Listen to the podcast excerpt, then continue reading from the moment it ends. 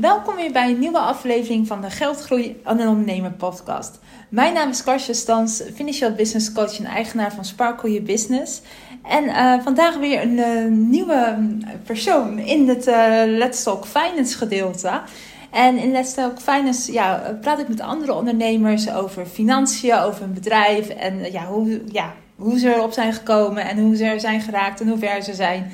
Uh, van alles en nog wat. En vandaag heb ik als gast uh, Colin Kranendonk.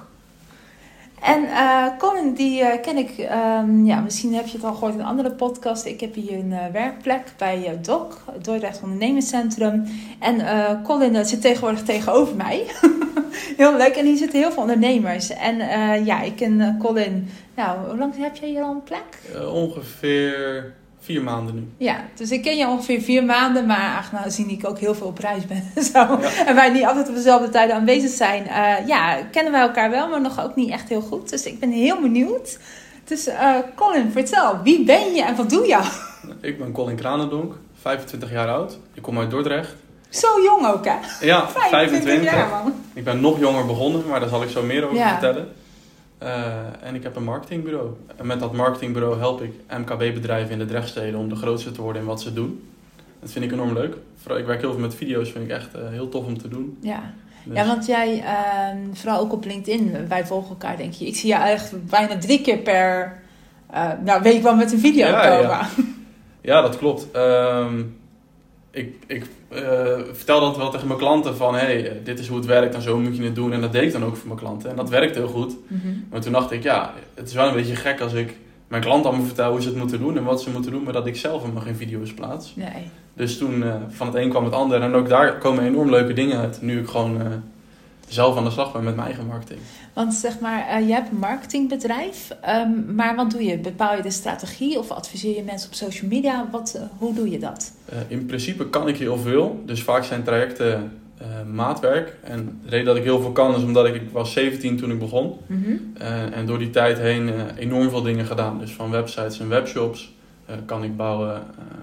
afsprakensystemen kan ik bouwen. Ik vind video's vind ik heel leuk. Dus vaak kom ik bij een klant. Um, dan ja, bespreken we gewoon wat de situatie is, uh, hoe het nu is, waar ze naartoe willen. En dan kan je ja, eigenlijk gewoon stappen gaan rekenen, dus terugrekenen van dat is waar ze naartoe willen. Dit is waar we nu zijn. Wat zijn dan de stappen die we moeten ondernemen om daar te komen?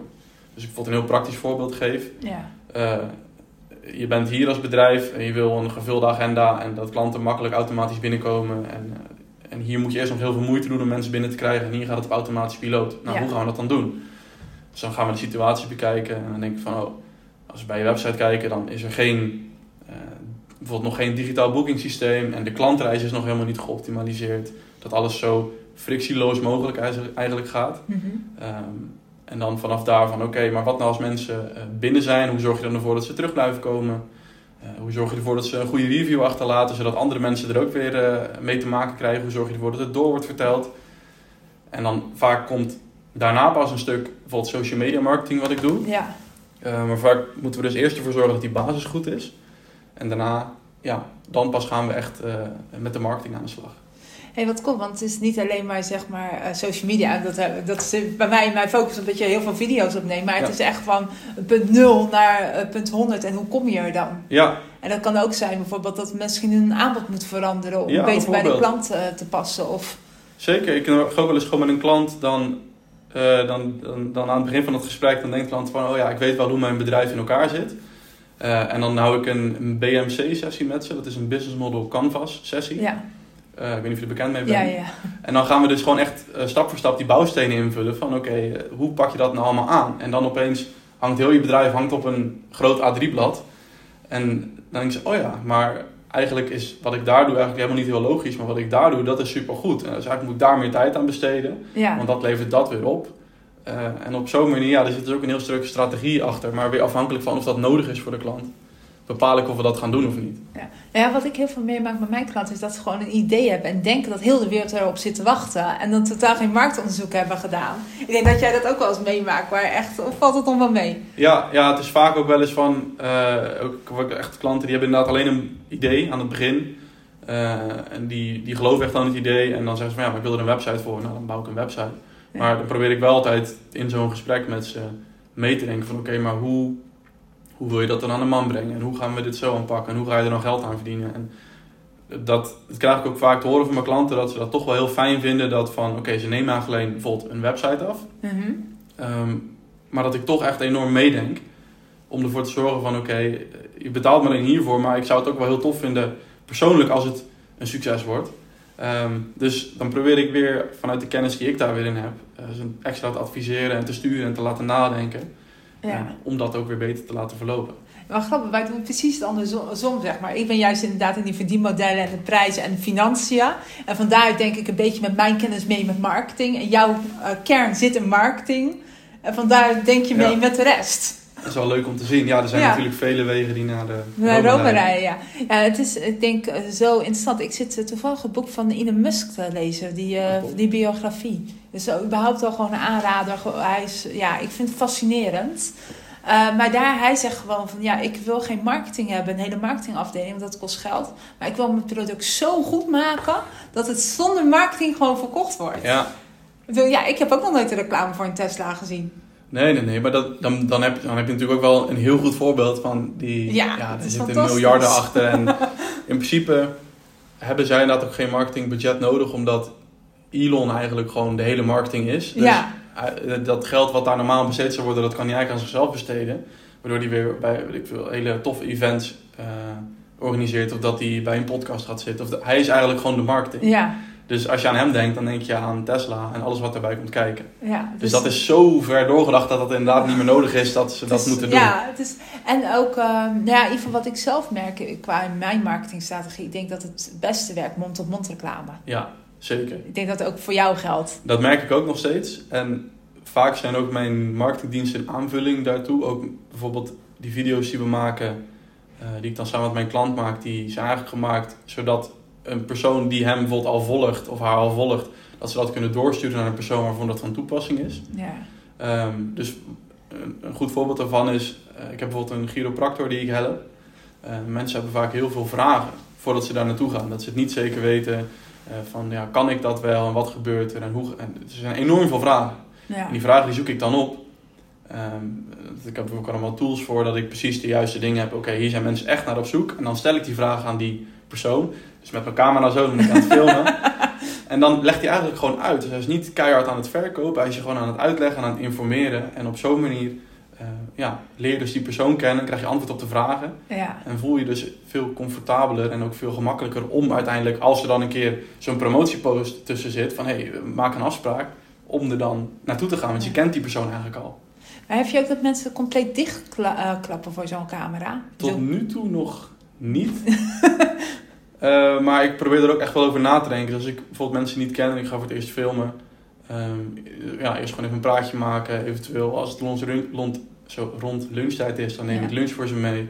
Eh, gewoon drankjes. En dan ga je gewoon eerst praten met elkaar. En dan doe je een keer oefenen. En op een gegeven moment dan zet je gewoon die camera aan. En ja, als het dan de eerste keer niet lukt, dan maakt het niet uit. Vaak als je een paar filmpjes hebt gemaakt, ja, gaat dan gaat dat opeens heel makkelijk. Dan zit je in een flow. Ja, ik denk ook wel dat het is, zeg maar, als ik alleen mezelf opneem, dat ik dat moeilijker vind dan dat als het wordt opgenomen. Dat heb ik ook. Want als ik inderdaad voor mezelf bezig ben, dan klap je nog wel eens dicht. Ja. oh, dan zit je. Wat ik moet weet ik nou nog wel in het begin, het allereerste keer vond ik het echt verschrikkelijk. Ook om mezelf terug te zien en te horen. En dus ben ik daar lang overheen gegroeid. Maar ik heb nu dat ik alles soms in het Engels doe. Dat vind ik ook weer nieuw en eng. Oh, tof. Dat is ook weer... eh, Tof. Ook een mooie markt. Hé, hey, maar jij bent pas 25. Ja, Dus eh, waarom ben je ondernemer geworden? Wat, eh, hoe, ja, hoe, wie, wat en waar? Wat is het achtergrondverhaal ervan? nou ja, ik zal zo beginnen met het begin. Maar waarom ik ondernemer ben geworden is eigenlijk eh, op het moment dat de kansen zich voordeden om iets te gaan doen. dan stimuleerde mijn moeder altijd om dat dan ook maar te gaan doen. Van hey, probeer het nou maar. Eh, want ja, als het misgaat, bedoel, je bent nog jong en zit- je woont bij ons thuis en er staat eten in de koelkast, er is niks aan de hand. Nee. En als het goed gaat, dan heb je opeens een hele toffe ervaring. Ehm, dus op zo'n manier, ja, mijn moeder die was vroeger altijd al bezig om de mensen om zich heen als ze iets wilden verkopen. Kwamen ze bij mijn moeder. Dus dan brachten ze bijvoorbeeld eh, een keukenmachine of eh, een stofzuiger en dan zeggen ze: Oké, ik wil dat ervoor hebben. Ja. En dan ging mijn moeder het op de marktplaats zetten voor meer. En alles wat er natuurlijk tussen zat, mocht ze houden. Dus op zo'n manier ja, was ze altijd een beetje bezig met die handel. Ja. Ehm, dus dat zag ik dan ook altijd van: hé, hey, dat is wel tof. Dus ja, maar ook gaaf dat je moeder er zo achter stond. ja, Dat is natuurlijk ook dat, eh, ja, hoor je ook niet overal natuurlijk. Nee, daarom. Dus zij heeft me ook altijd, eh, altijd gestimuleerd daarin. Dus, uh, maar inderdaad, om aan het begin te beginnen. Ja, ik heb een... waar kom je vandaan? hoe, hoe ben je...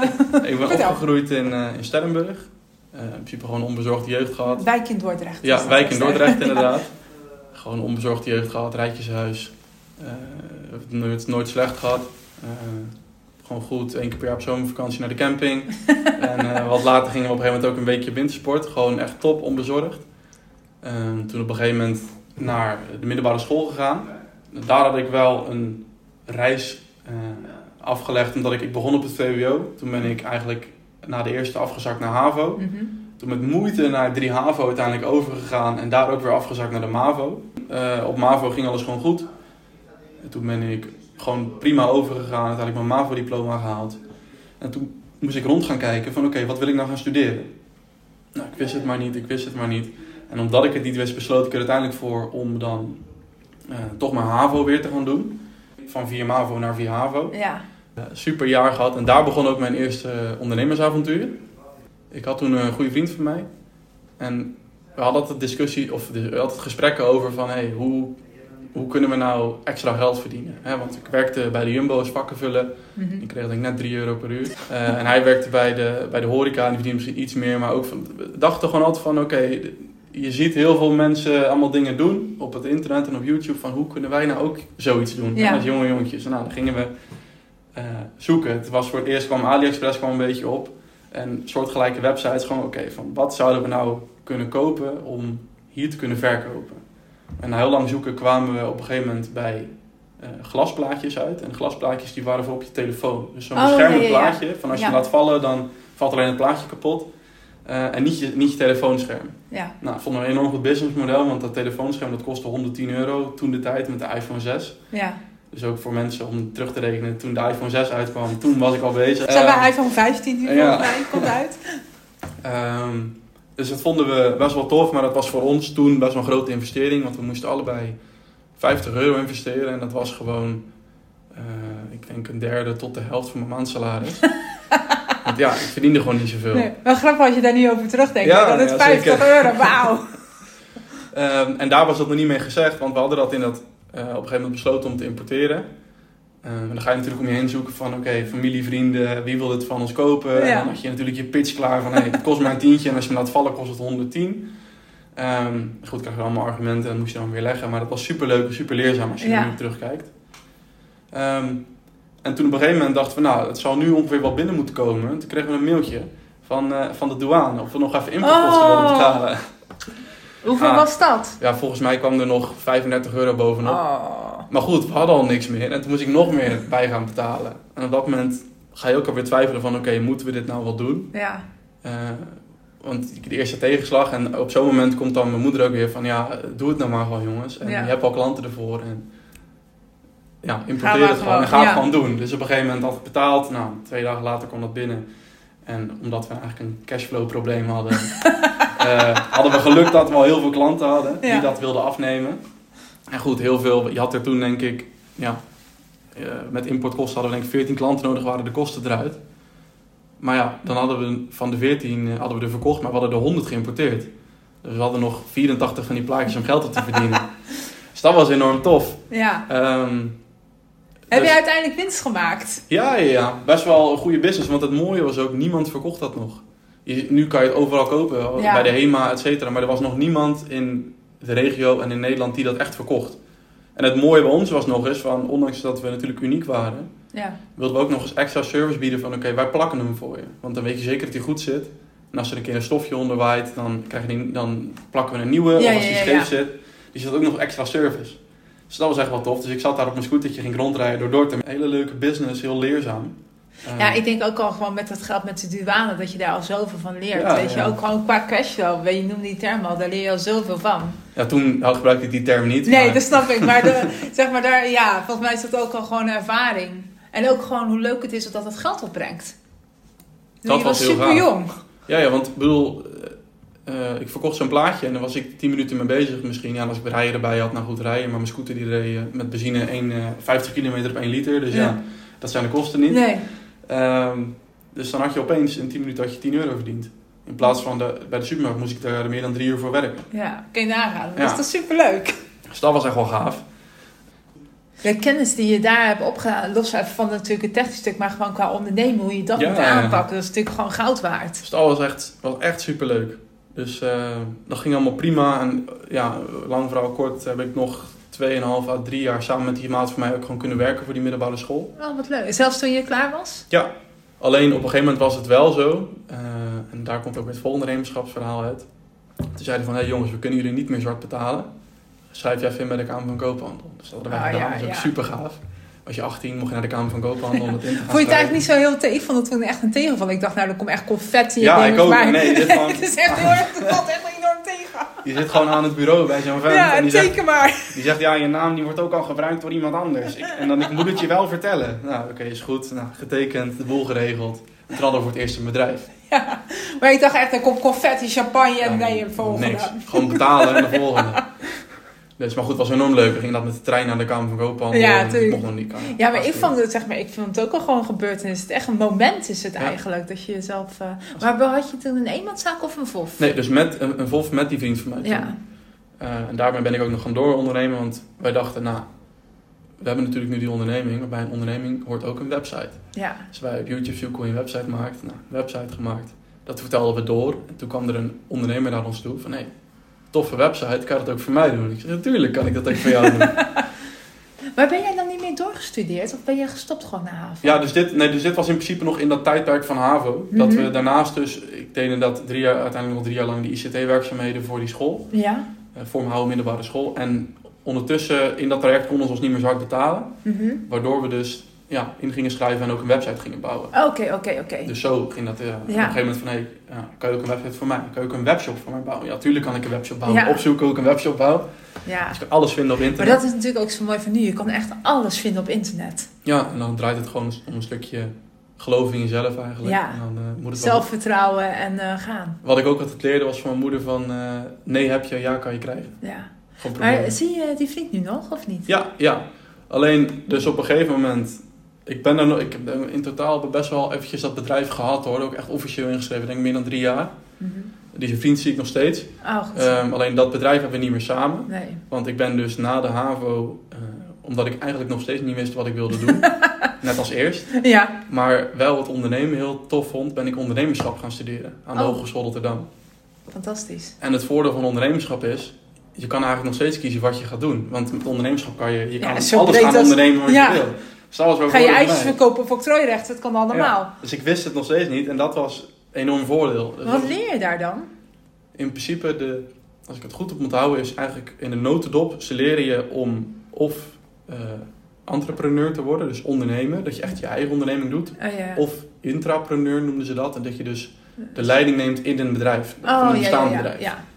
Dus ze leren je echt alles. Eigenlijk was het doel ook van, we proberen jullie van alles wat eh, heel breed te leren. En van een paar dingen ga je echt de diepgang in die je nodig hebt. Zo van Mhm. dat je met iedereen in het bedrijfsaspect ook kan communiceren. Van boekhouder tot marketeer, Oh, tot dat alles erbij zat. Ja. Ehm, en een paar dingen dat je er echt heel goed in wordt. Dus eigenlijk een soort T van, hey, ik weet heel veel. En dan een klein stukje weet ik, weet ik nog meer van. Ja. Zo want dat is natuurlijk de meest gehoorde ding van eh, wat je ook wordt onderneemt. Je leert nergens ondernemer te zijn, weet je. Nee. je. Je beslist om te worden en dan klaar. Daarvoor zitten natuurlijk bij mij zoveel klanten ook nog financiële issues, omdat Ja, je dat ja. nergens leert. Nee, dus je Dus- moet het ook zelf doen. Ja, dus ik vind het wel interessant om te horen dat er wel zeg maar, een soort van opleiding is die je daar wel mee kan helpen. In ieder geval vooral voor jonge mensen. Ja, ja, en ik weet hier op het, waar wij nu zitten op het Da Vinci Ja. natuurlijk, eh, hebben ze ook ondernemerschapsopleidingen. Dus je hebt het nu ook gewoon op, op verschillende niveaus. Ik heb het dan op HBO gedaan, je hebt Ja. dus op MBO en je zal universitair ongetwijfeld ook wat hebben. Ja, Ehm, en daar geef ik toevallig donderdag ook een gastcollege aan. Is Ja, super gaaf, cool. ook super gaaf. super cool. Maar goed, dus ik kwam dus op het HBO en ik had toen echt het gevoel van oké, dit zijn mijn mensen. Ja, Ik voelde me op mijn plek. Super gaaf. Van natuurlijk heel lang zoekend geweest op de middelbare school. En opeens zit je daar en dan denk je, oh, ik voel me echt... ik voel me thuis. ja, dit is gewoon goed. Dus alles klopte voor mezelf ook. Ehm, tot het moment dat ik een heel naar telefoontje kreeg. Eh, van mijn ouders. Van, hey, kan je naar huis komen? We moeten je wat vertellen. Dus ik, eh, ja, ik wist niet wat ik kon verwachten. Ik kwam thuis. eh ze nou ga even zitten. En toen werd mij verteld door mijn moeder van, hey, ik ben ernstig ziek. Ja. En ehm, ja, ik moet een operatie ondergaan. En ik weet nog niet precies hoe het gaat lopen. En mijn moeder die had dus kanker gekregen. Oh joh. Ehm, dus toen op een gegeven moment, als, ik was toen net 18 of 19, denk je van, oh ja, alles ging heel goed en ik weet nu gewoon helemaal niet meer wat ik moet doen. Nee, Het werd opeens heel onzeker. donker ja. en onzeker. Dan denk ik van, oh ja, ik was eindelijk op mijn plek en nu gebeurt dit. Ja, Nou, eh, gelukkig konden ze toen ervoor zorgen eh, dat ze een operatie deden waardoor het weg was. Ehm, en toen hebben ze wel gezegd van, het kan nu vier maanden duren of 40 jaar. Maar als het terugkomt, dan kunnen we er niks meer aan doen. zo, En toen, en toen uiteindelijk duurde het vier maanden, toen kwam het weer terug. Eh, en toen konden ze er inderdaad ook niks meer aan doen. En toen is eigenlijk in het tijdsbestek van dat ik het voor het eerst hoorde tot ehm, nog geen jaar later, is dus mijn moeder eh, overleden. Oh, wat heftig. Dus dat was ook ja, enorm lastig, enorm onzeker. Omdat ik ook, ik haalde best wel veel drive om te ondernemen en trots ook weer Ja, vanuit haar om dat te gaan doen. Dus dat zie ik ook wel weer als motivatie om het door te doen. Maar goed, was echt wel een enorme moeilijke periode Ja. waarin ik eigenlijk ook echt een soort neerwaartse spiraal inging. Qua dingen die natuurlijk eh, niet goed voor je zijn. Nee. En maar heel wat heftig. Ja, ik wist het ook helemaal niet. Maar nu snap ik eigenlijk ook zeg maar, waarom je zo eh, met liefde over je moeder Ja. praat, zeg maar, ook gedurende zeg maar, het begin van het gesprek. Ja, zeker. Oh, wat heftig. Dus dat. En toen eigenlijk, ja, mijn vader, daar praat ik ook met liefde over. Mijn vader Ja, heeft echt eh, ja, enorm goed opgevangen. En die heeft eigenlijk enorm goed voor ons gezorgd. Die was echt die, die rots in de branding die we zeg maar nodig hadden op dat moment. Ja, Eh, terwijl hij het zelf natuurlijk ook enorm zwaar had. Maar voor ons, ja, eh, was dat gewoon een, hele, een heel fijn gevoel. Dat we, ja, ik groeide eigenlijk door het enorm slechte wat er gebeurde en het enorm moeilijke. ja, Ontstond er ook iets heel moois. Waardoor die, dus die band met mijn vader en mijn broer, ik toen nog een broer, ja, dat die veel beter werd. Door eigenlijk iets heel naars wat je meemaakt. ja. Het is wel jammer dat dan, Ja, dat juist. dat, dat de oorzaak is. Maar Ja. goed, iets, er groeide ook wat moois uit. Dus dat was wel fijn. En heb je ook niet zoiets van, dat heb ik altijd als mensen heel dichtbij me overlijden, van dat het dan ook eh, een soort realiteitcheck is van je moet echt gaan doen wat je echt wil. Ja, ja. Ik weet nog wel eh, op de plek eh, waar mijn moeder hebben uitgestrooid. We, we waren met de watertaxi in Rotterdam. Mhm. En toen hebben we het onder de Erasmusbrug door we zeg maar, zo'n lijn getrokken. Met... Oh ja, ja. Dus we gaan ook elk jaar naar de Kop van Zuid om daar dan rozen in het water te gooien. Oh. Dus ik weet nog het eerste jaar dat dat zo was. Eh, het was dan op de sterfdag en met de verjaardag ook nog wel eens. Of met moederdag gaan we naar picknicken op zo'n manier. Ja, Ehm, maar dat je dan daar kijkt en dat je echt zo'n reality check krijgt van... Oké, je moet nu echt wat gaan doen. ja, Want je, eh, ja, je gaat van 19-jarige jongen waar alles mogelijk is en eh, niks houdt je tegen. En nou Mhm. opeens van, hé, hey, het kan Ja. zomaar over zijn. ja, Dus enorm lastig gehad. Ja, toen ben ik... eh, maar goed, die reality check die kwam inderdaad.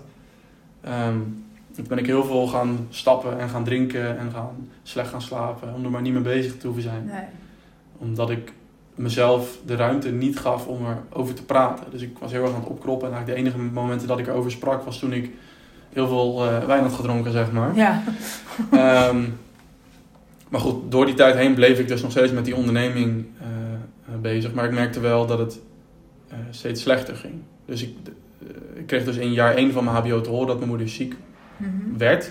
ja, De eerste keer. Nou, toen was dat gefixt. En toen kreeg ik eigenlijk in eh, jaar 2 aan het begin te horen van... Oké, nu is dit gebeurd en we kunnen er eigenlijk niks meer aan doen. nee. Eh, en toen ook tijdens het, het tweede jaar dan moet je een projectgroepje doen. Omdat je dan eigenlijk een onderneming gaat doen. Ja, is Met kansloos. Dus ik heb de jongens, ik heb nog net die projectgroep eh, gekozen. Dat was op een, op een maandag. Ik zeg, nou, ik ben er de rest van de week niet. Volgende week ook niet, want donderdag... ik, want ik, ik kreeg eigenlijk dat weekend voor dat projectgroepje moest ik kiezen te horen van mijn moeder van... Hé, hey, het gaat nou heel slecht. Eh, ik wil er eigenlijk niet meer mee, mee verder. Nee. Ehm, dus ik ben toen nog wel naar school gegaan omdat de hele dag van... Ja, ik moet het hele schooljaar dit nog gaan doen. Dus ik, en ik vond mijn opleiding ook enorm leuk. Omdat ik dat ja, ondernemerschap leuk vond ja. van hé, hey, eh, ik wil dit graag met jullie doen, maar er is dit en dit aan de hand, dus ik ben er pas over een week of twee. ja. Dus nou, toen dat allemaal meegemaakt, eh, enorm lastig, maar het voordeel was wel voor mij dat ik eh, ja, heel veel afleiding haalde uit die opleiding. Dus dat vond ik super leuk om te doen. Dus ja, jaar twee, dat vloog eigenlijk best wel snel voorbij, omdat ik gewoon, ik ging echt drie keer in de week stappen en eromheen, ja, mijn cijfers leidden er een beetje onder, maar goed, eh, ik mocht wel, het mocht gewoon nog doorgaan. Ehm, maar goed, ik, tot dus ook weer een besefmoment kwam van, hé, hey, ik had altijd voor ogen dat ik hier boven naartoe wilde. ja. En alles wat ik nu aan het doen ben, dat zit hier helemaal beneden. En dat sluit echt totaal niet op elkaar aan. Nee. En ik merkte mijn gezondheid begon eronder te lijden. Want ik voelde me gewoon echt steeds minder fit en minder gezond. En, Ja, snap of ja, je wil dat en je zit dit ja. aan het doen. Ehm, dus toen kwam ook een reality check van... Hé, hey, dit moet nu anders. Ik, ik moet eh, aan mezelf gaan werken. Maar hoe doe ik dat? Ja. Nou, toen ging ik weer naar mijn oude vriend YouTube en Google. hoe, eh, wat is persoonlijke ontwikkeling? Hoe Ja. kan ik beter worden? Hoe kan ik... Dus ja, allemaal, daar kom je op een gegeven moment van die persoonlijke ontwikkelingsboeken kom je dan ja, uit. ja. Michael Pilatschik, denk ik. Ja, En, allemaal eh, en dat, dat ja. soort dingen. Inderdaad, Tony mensen, Robbins. auteurs, mensen die dat, inderdaad Tony Robbins boeken. Ja, Toen dacht ik, nou, doe maar heel die boek. Ik bestel, het, veel, ik bestel die hoop wel, want ik had ook, eh, ik leende gewoon duo. Dus ik dacht, nou, ik heb geld, ik kan boeken bestellen. ja. Eh, maar ik kwam net niet aan de verzendkosten. En toen dacht ik, doe er nog maar één klein boekje bij. Ehm, om dat uiteindelijk gratis kunnen verzenden. Ja. En uiteindelijk heeft dat kleine boekje heeft de grootste verandering in eh En wat was dat kleine boekje? Daar ben ik niet nieuwsgierig naar. Dat boekje dat heette de Miracle Morning. En de de titel Miracle zeggen Morning. ken ik, maar ik heb het nog nooit gelezen. Eh, dat zorgde er eigenlijk voor dat ik in plaats van eh, laat naar bed, niet aan mezelf werken, alleen maar alcohol en geen gezonde dingen, naar eh, elke ochtend een heel schooljaar lang tussen vijf en zes opstaan om eerst een uur lang aan jezelf te gaan werken. Oh, ja, ja, Dus wandelen, lezen, sporten, mediteren, schrijven, dat soort dingen. Ehm, dus op een gegeven moment was ik weer onderweg naar waar ik naartoe wilde gaan. Dus dat was wel bizar. Dat eigenlijk het boekje waar ik alleen wilde voor de gratis verzendkosten, Ja, dat dat de grootste dat? verandering in, eh, is daar. In, dus dat was echt wel eh, bizar. Ja, ik ben uit mezelf altijd wel gewoon een vroege vogel. Dus ik, heb, ik ben altijd van mezelf uit vijf uur wakker als standaard. Ja, Dat, eh, ja, zo zit mijn bio ja dat had ik dus niet. Nee. Maar door dat boekje vond ik dus zo'n motivatie dat ik eigenlijk dus van een echt een neerwaartse spiraal, eigenlijk een soort opnieuw geboren Ja, werd, mooi. waardoor het weer, op, ineens weer veel beter ging. Dus ik kreeg weer focus voor mijn studie, eh, ik kreeg focus voor mijn gezondheid, met sport, et cetera, alles kwam erbij. Toen dacht ik, en omdat ik dus eerder wakker was dan iedereen, had ik geen afleiding en kon ik dus volle bak ook werken aan mijn studie en aan die onderneming. En omdat ik dat dus zo mijn best, dus dit was nog steeds in jaar twee, Ja, ja. zo mijn best aan het doen was, ehm, zorgde dat er uiteindelijk voor dat alles veel beter ging. En dat ik ook de kans kreeg om in plaats van in jaar drie stage te gaan lopen bij een bedrijf, eh, stage mocht lopen bij mijn eigen bedrijf. Oh ja, Dus dat was ook enorm gaaf. dat is ook heel gaaf natuurlijk. En dan krijg je dus in plaats van dat je vier dagen lang op kantoor zit bij iemand anders, waar je ook enorm veel van leert. Maar werk je juist bij jezelf? Ja, mocht ik vier, oh, eigenlijk vijf dagen lang, eh, kreeg je ook de ruimte van, van school. Dan kwam je dus in een klas met één van de tien klassen die dan die ondernemerschapsopleiding deden.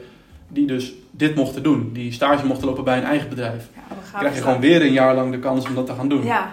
Maar zat je toen nog steeds met die vriend of was je toen al Ja, dus dat was nog steeds met die vriend. Ja, Ehm, dus ik heb me denk ik echt het einde van de HAVO ingeschreven bij de Kamer van Koophandel. En toen 1, 2, 3 HBO oh ja, ja. heb ik dat nog met die vriend gedaan.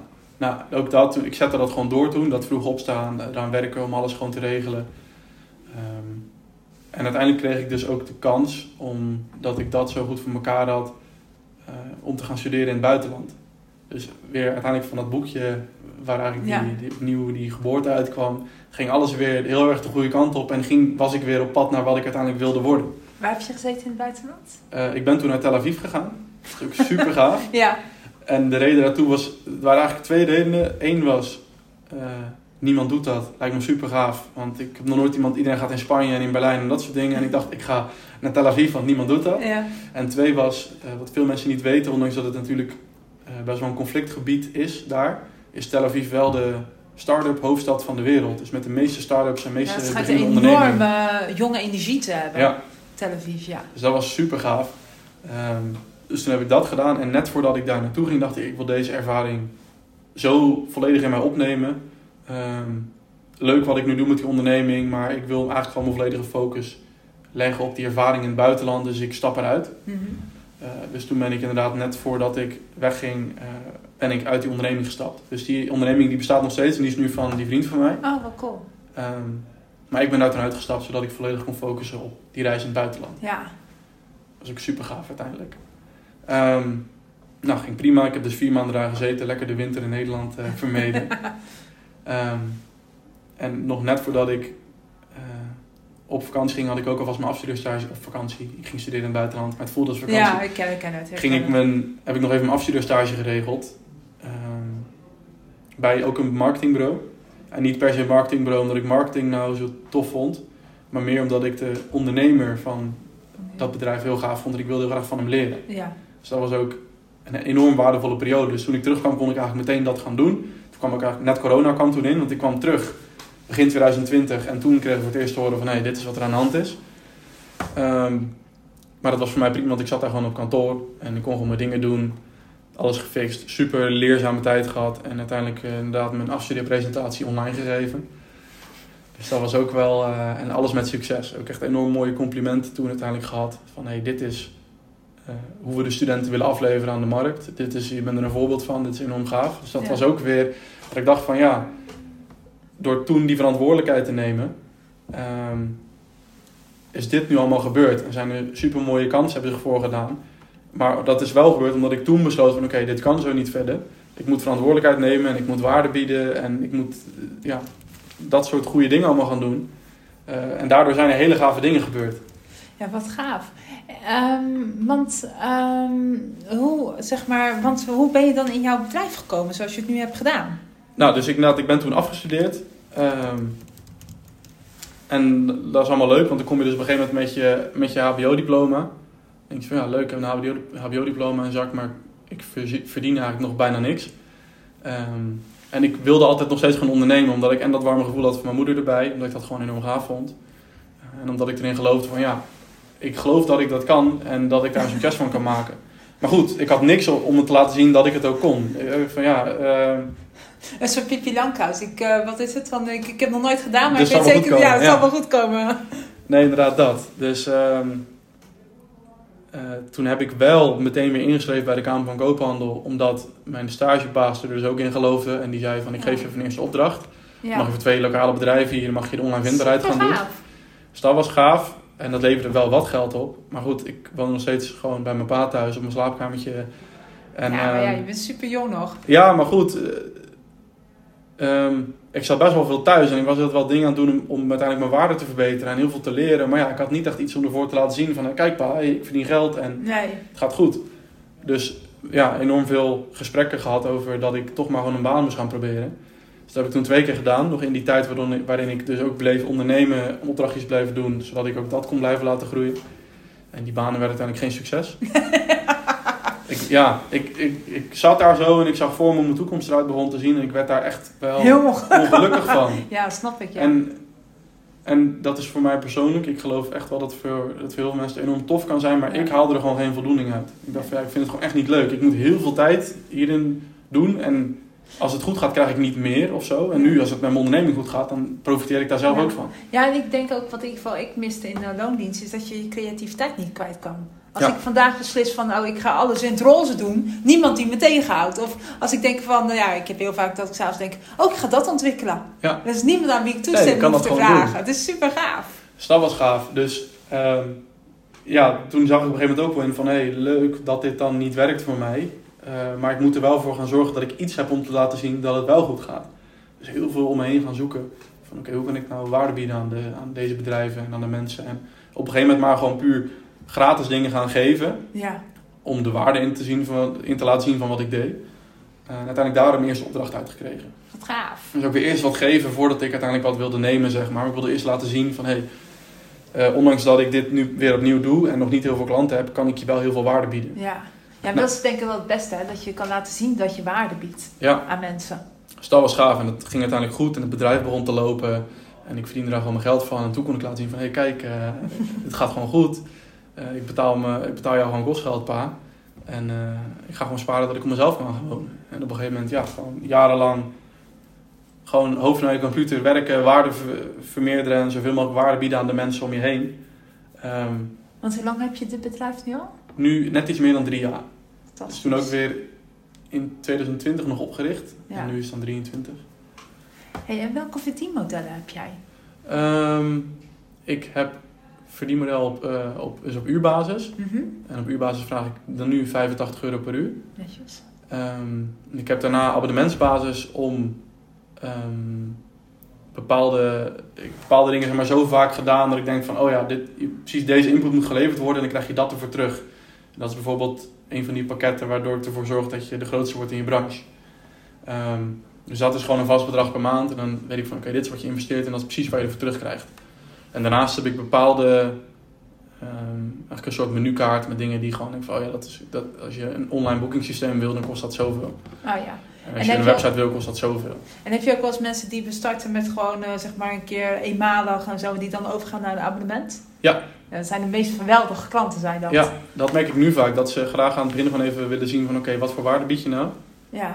En dan ze dan daarna zeggen, dat ze ook wel toezegging geven aan het begin eigenlijk van oké, als het dan werkt, dan wil ik dat van je afnemen. Dan wil ik meer. Dus dat is echt wel tof. Dat is hoe het, eh, hoe het nu in elkaar zit. En hoe werk je, werk je met financiële doelen? Ja. Heb je, hoe werk je daarmee? Hoe begin je? Heb je Nee. een eh, omzetbedrag of een salarisbedrag? Of hoe? Nee, inderdaad een omzetbedrag. Dus en bijvoorbeeld het doel voor het einde van het jaar is dat ik op 10.000 per maand zit terugkerende inkomsten. Ja. Dat zou, en ik geloof ook echt dat het gaat lukken, maar daar moet ik echt wel mijn best nog voor gaan doen. Om dat voor elkaar te krijgen. ja, maar anders is het niet leuk. Als je niet Nee, bezig te doen dan... eh. Ehm, Hoeveel zit je nu? het verschilt echt per maand. Ik heb ook echt al maanden gehad waarin ik dus al een keer die 10.000 heb kunnen factureren. Ja. Eh, dus ik weet ook dat dat mogelijk is. Alleen, eh, dan was het vaak wel afronding van bepaalde projecten. Oh, dat je in één keer een groot Ja, dus dan denk ik van, oh ja, dan heb je het nog steeds wel in een maand gedaan. Maar Ja. goed, dus nu probeer ik echt voor te zorgen, ook met die abonnementen en de waarde die ik bied, dat je dan vast zit op die terugkerende inkomsten. Ja. Dus dat je niet elke keer opnieuw rond te zoeken. En dat ik gewoon kan focussen op waar ik goed in ben en gewoon mijn werk kan doen, omdat ik dat het leukste vind. Ja, ja Dus- zo, mijn verdienmodel ziet er ook. Ik werk alleen maar met abonnementen. Het is fantastisch. Ja, En zelfs in de zomer of als het met kerst zo, je krijgt gewoon doorbetaald. ja daarom. Dus dat, dat doel, dat is van, oké, eh, als ik die 10.000 per maand wil voor het einde van het jaar, dan heb ik daar zoveel klanten voor nodig. Ja. En om zoveel klanten te krijgen, moet ik zoveel e-mails sturen en zoveel belletjes plegen. Nou, dan moet ik eh, dat op een dag doen en dat plan ik dan in mijn agenda. Eh, ja, ja, ja. Dus eigenlijk gewoon terugrekenen, net zoek het voor mijn klant. Van oké, daar wil je naartoe. ja. Dit is waar je nu bent. En wat zijn dan die stapjes om daar te komen? En dat doe ik dan dagelijks of wekelijks plan ik gewoon in de agenda. Oh, interessant. En ik doe het juist andersom. Ik kijk van eerst van, oké, van eh, hoeveel salaris wil ik hebben? Ja, En daar eh, tel ik naar boven naar wat voor omzet ik dan moet hebben. Of, dus ik kijk eerst naar mijn winsten, dan naar mijn omzet. ja. Gewoon dat, dat, dat ik dat heel interessant vind eh, altijd. Is- Maar het is geen fout of goed Nee, methode nee, nee, zeker natuurlijk. niet. Maar het is heel interessant. eh. ik heb ook mensen die helemaal geen financiële doelen stellen. Ja, daar kan ik me dan weer niks bij Nee, ik ook niet. Ik heb er ook altijd moeite mee. Bij sommige mensen werkt het, maar ik ben ook altijd. Ik wil gewoon eh, dit eh, x bedrag qua omzet hebben of qua winst hebben en daarmee. eh, Ja, ja zeker. Ja. Nee, dat is, dus dat is het ook van, hé, hey, eh, dit is waar ik naartoe wil. Hoe ga ik dat regelen? Ja. Ik heb wel soms, want eh, bij mij kunnen mensen abonnementen zeg maar, per maand of per kwartaal dan betalen. Of eh, bijvoorbeeld januari is voor mij altijd echt een piek in de omzet. Ja? Want dat dan heel veel mensen tegelijk voor heel het jaar betalen. Oh, oké. Oh, ik dacht misschien omdat je dan allemaal afrondingen moet doen van kwartalen en jaren en dat soort dingen. Nee, nee, bij mij is het echt van, want mensen betalen gewoon meestal per maand dan, hè, eh, of per kwartaal net. Maar heel veel mensen willen het ook in één keer betalen. Dus dat precies in januari voor een heel jaar. Oh, ja, precies. Dat is ook wel een slim model. Ja, dus ja, slim model. Aan de ene kant, eh, want ik ben zo gewend aan die, eh, dat vaste bedrag. Dan is in januari, dan lijkt het net of het zeg maar, de andere maanden heel slecht doet. Maar als je dat grote bedrag in januari dan verdeelt over al die andere maanden, doe ik het echt heel goed Ja, eigenlijk. ja, zeker. Dat is, ja, dus dat is ook wel heel grappig. eh. Oh, tof joh. Je Want dat bied jij ook wel mogelijkheden dat mensen, zeg maar, of per maand of per kwartaal, en bied jij dan kortingen als mensen het in één keer betalen? Ja, nou ja, ik werkte eerst met kortingen. Dat doe ik nu. Ja, kijk, als je mij vast inhuurt, dan heb je korting. Ja, En voor losse opdrachten betaal je 85 euro per uur. Dus bijvoorbeeld, als je dat abonnement van mij alweer omrekent, dan ben je alweer goedkoper uit. Dan zit je niet 85 euro per uur. En dat je me elke maand Oh, ja, inhuurt, ja, ben je ja. goedkoper uit. ja, dat doe ik Ehm, ook altijd. En in plaats van dat ik met korting in een salesgesprek eh, werk, geef ik eh, eigenlijk een soort van korting op het moment. Dus stel je neemt zo'n dienst bij mij af, dat abonnement. Ja, eh, en je vraagt om korting, zeg nou, zo werkt het niet. Maar als jij iemand aanbrengt die hetzelfde wil afnemen, eh, dan krijg je niet alleen jij korting, maar ook de persoon Oh, ja, die je ja. aanbrengt, zodat Ja. die persoon niet het gevoel heeft dat die gebruikt wordt. Dat jullie allebei voor een verminderd maandbedrag dan mogen afnemen van mij. En dat kan eigenlijk onbeperkt doorgaan, als je met, dat je zelfs gratis dat kan nemen. ja. Omdat je dus mensen aanbrengt, zeg maar. Ja, ik heb wel zeg maar, als mensen in één keer betalen, dan betalen ze zeg maar, ik noem maar even 2500 euro eh, of 24,50. En als ze per maand betalen, is het dan 500. Ja, precies. 5 maal 500 zeg Ja, maar, ja. Dat, eh, dat soort dingetjes. Omdat ik in ieder geval bij mij merk dat soms de incasso's niet doorgaan. En dat het, eh, want ik doe alles met automatische incasso's. Mhm. En dat het administratief gewoon heel veel werk ook is. Ja, Dus, Ja, moet eh, en het is natuurlijk een soort zekerheid. Hè, dat je dan cash gewoon het geld al van tevoren binnen hebt. ja, ja, dat is heel fijn. Dat is ook... eh, En dan heb je ook gewoon geld om te investeren eventueel in het jaar. En ja, daarom. überhaupt te weten waar je aan toe bent. Maar ik kan me voorstellen, net zoals eh, MKB, die doet niet aan automatische incasso's. Nee, meestal Wel niet. ZZP'ers wel, dus dan is het natuurlijk heel makkelijk om dat te doen. Nou. Ja, ja. Hey, ben jij al bezig met pensioen of zo? Of uh, arbeids- of geschiktheidsverzekeringen? Eh, in principe nog niet. Eh, pensioen niet, omdat ik eerst gewoon nu die focus wil op dat ik zoveel mogelijk eh, per maand verdien. Ja. Eh, heel veel mensen vertelden me eigenlijk altijd andersom. Van hey, zorg nou dat je minder uitgeeft. En dat je kan sparen. Maar ik dacht van ja, ik focus nu gewoon op zoveel mogelijk binnenkrijgen. ehm, omdat ik daar op lange termijn het meest aan heb, geloof ik. Dat is mede ook best wel een flinke studieschuld opgebouwd in die periode. Ja. Ehm, en, ja, dus, en dat extra geld is lekker om dat te kunnen afbetalen. Maar ook als het op een gegeven moment is afbetaald, dan profiteer je nog steeds van dat grotere bedrag. Dus mijn doel is nu gewoon eerst zoveel mogelijk verdienen. Ja. En op basis daarvan, ik probeer niet, ook, ook niet alles uit te geven, maar op basis daarvan ehm, ja, eventueel richting pensioen te gaan. Ja. En qua arbeidsongeschiktheidsverzekering momenteel ook niet. Ik ben nu bereid om dat risico te dragen, omdat Ja. ik nog jong ben. Ja. En hoe ik eh, eigenlijk dat tackle is, ik probeer heel veel te investeren in mijn gezondheid. Ehm, dus ik sport nu sowieso vier keer in de week. Ehm, ik ga elke maand naar de chiropractor, naar de masseur. En daarnaast let ik enorm op mijn voeding. Ja. En dat doe ik op, een, op zo'n manier. Ik ben aangesloten bij P-Club. En P-Club is een onderneming die ondernemers weer helpt om het maximale uit hunzelf te halen Oh, op ja, basis van data. Ja, van Pika. Club, ja. En een van die onderdelen daarvan is bijvoorbeeld dat, ze, dat je een, een hele microbioomtest doet. En dat is eigenlijk gewoon een bloedtest. En daarin wordt getest van, hey, op welke voeding gaat jouw lichaam goed en op welke voeding gaat jouw Oh, lichaam niet goed. Maar dat is gaaf. En op basis daarvan krijg ik van die gasten weer een, eh, een op maat gemaakte eh, mealplan, zeg maar. Dus met wat ik dan moet eten en hoeveel Oh, cool. en wanneer. En sinds ik dat er doe, merk ik eigenlijk dat ik veel meer kan presteren.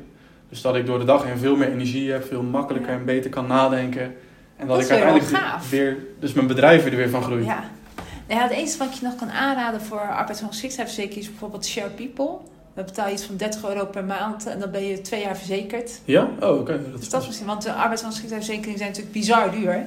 Maar dat kan je nog wel doen, Share People. En pensioen zou ik je alleen aanraden om bijvoorbeeld... Jij bij pensioen en Brand New Day, dan zet je dan een vast bedrag per maand weg. Ja. Ja, het is ook heel flexibel, maar dan krijg je een derde terug van de belasting.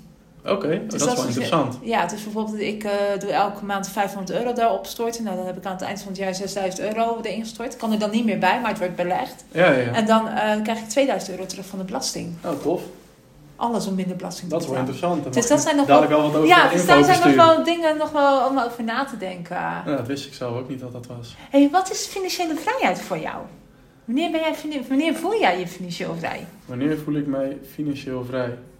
Ehm, nou ja, het klinkt misschien raar, maar dat doel... Ik, ik ben eigenlijk gewoon...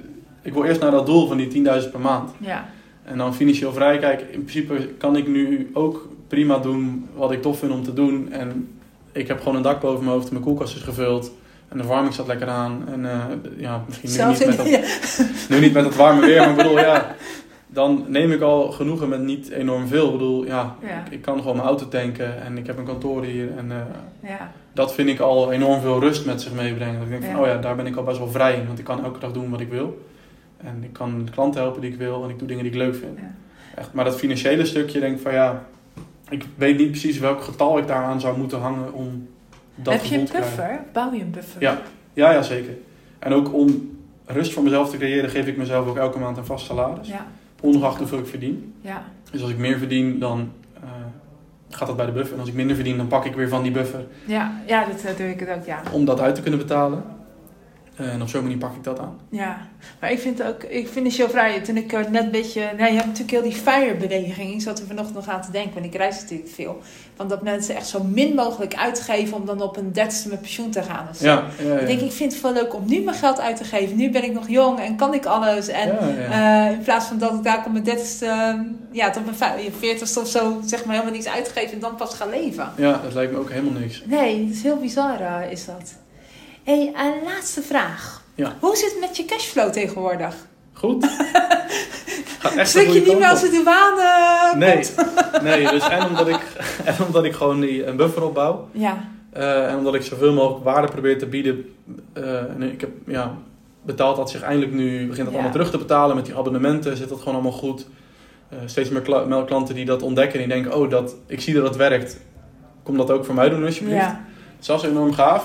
Ehm, dus ja, kijk, als je het puur op cijfermatig en dan persoonlijk eh, financieel hoe je ervoor staat zou bekijken, denk ik van, oh ja, ik heb nog wel een flinke studieschuld. ja, Maar ik, heb, ik bouw wel steeds meer vermogen op om de boel gewoon te regelen. ja. En om dat op een gegeven moment gewoon in één keer eh, Dan is dat weg en dan is alles geregeld. En dan Gewoon lekker. hoef ik me daar geen zorgen meer over te Ja. maken. Nee, ik vind het echt super interessant om met je te spreken. Het is gewoon, ik vind dat je zo jong bent en ook gewoon je dingen aanpakt. Het is fantastisch. Stof om te horen. Ja, ik vond het echt een heel leuk gesprek gewoon. En ook heel je persoonlijke verhaal om daar, eh, ja, super interessant. Ja, leuk dat ik hier mocht zijn. Ja, Dank wel voor de uitnodiging. ja dankjewel uh, Colin. En waar kunnen mensen jou vinden? Als ze Eh. denken van, nou, ik wil met hem samenwerken. Nou, de meeste actuele informatie van mij vind je op mijn LinkedIn. En dan zoek je gewoon Colin Kranendonk. Ja. Colin met 1 L. En het is ook Goed wel om interessant. te, te vermelden. Ja, en ook interessant om me daar te volgen, want ik geef daar heel veel informatie gewoon weg. ja, Eh, niet informatie waar je maar net iets mee kan, maar gewoon informatie waar je meteen wat mee kan, wat je meteen kan toepassen. Ehm, dus niet het gevoel van, oké, ik geef je één vinger, maar je moet me betalen voor de hele hand. Nee, je hebt er gewoon meteen wat aan. ja, En vanuit daar kan je mijn website vinden en dat soort dingen. ja. En ik kan Gewoon zeggen, ik volg eh, Colin ook op LinkedIn. Het is heel leuk om te doen. Dus eh, ze zeggen, gaan we gewoon volgen. Helemaal goed. hey, dankjewel voor al je, ja, dankjewel voor je openheid en eh, voor alles te delen. Leuk. Dankjewel.